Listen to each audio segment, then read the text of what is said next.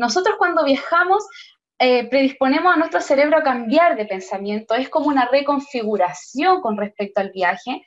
Eso es porque nos hace salir de nuestra zona de confort y nos hace dirigirnos hacia otros mundos a conocer nuevas culturas, a conocer nuevos lugares. Queremos seguir, seguir experimentando un montón de vivencias, de experiencias, de recuerdos, gracias a, que, a que nuestro cerebro se abre y se expanda a un mundo de muchas, muchas posibilidades y de mucho crecimiento.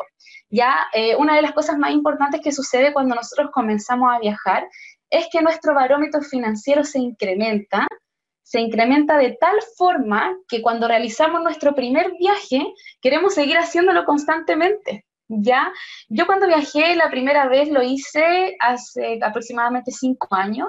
Lo hice a la ciudad de Cartagena de India, eso queda en Colombia.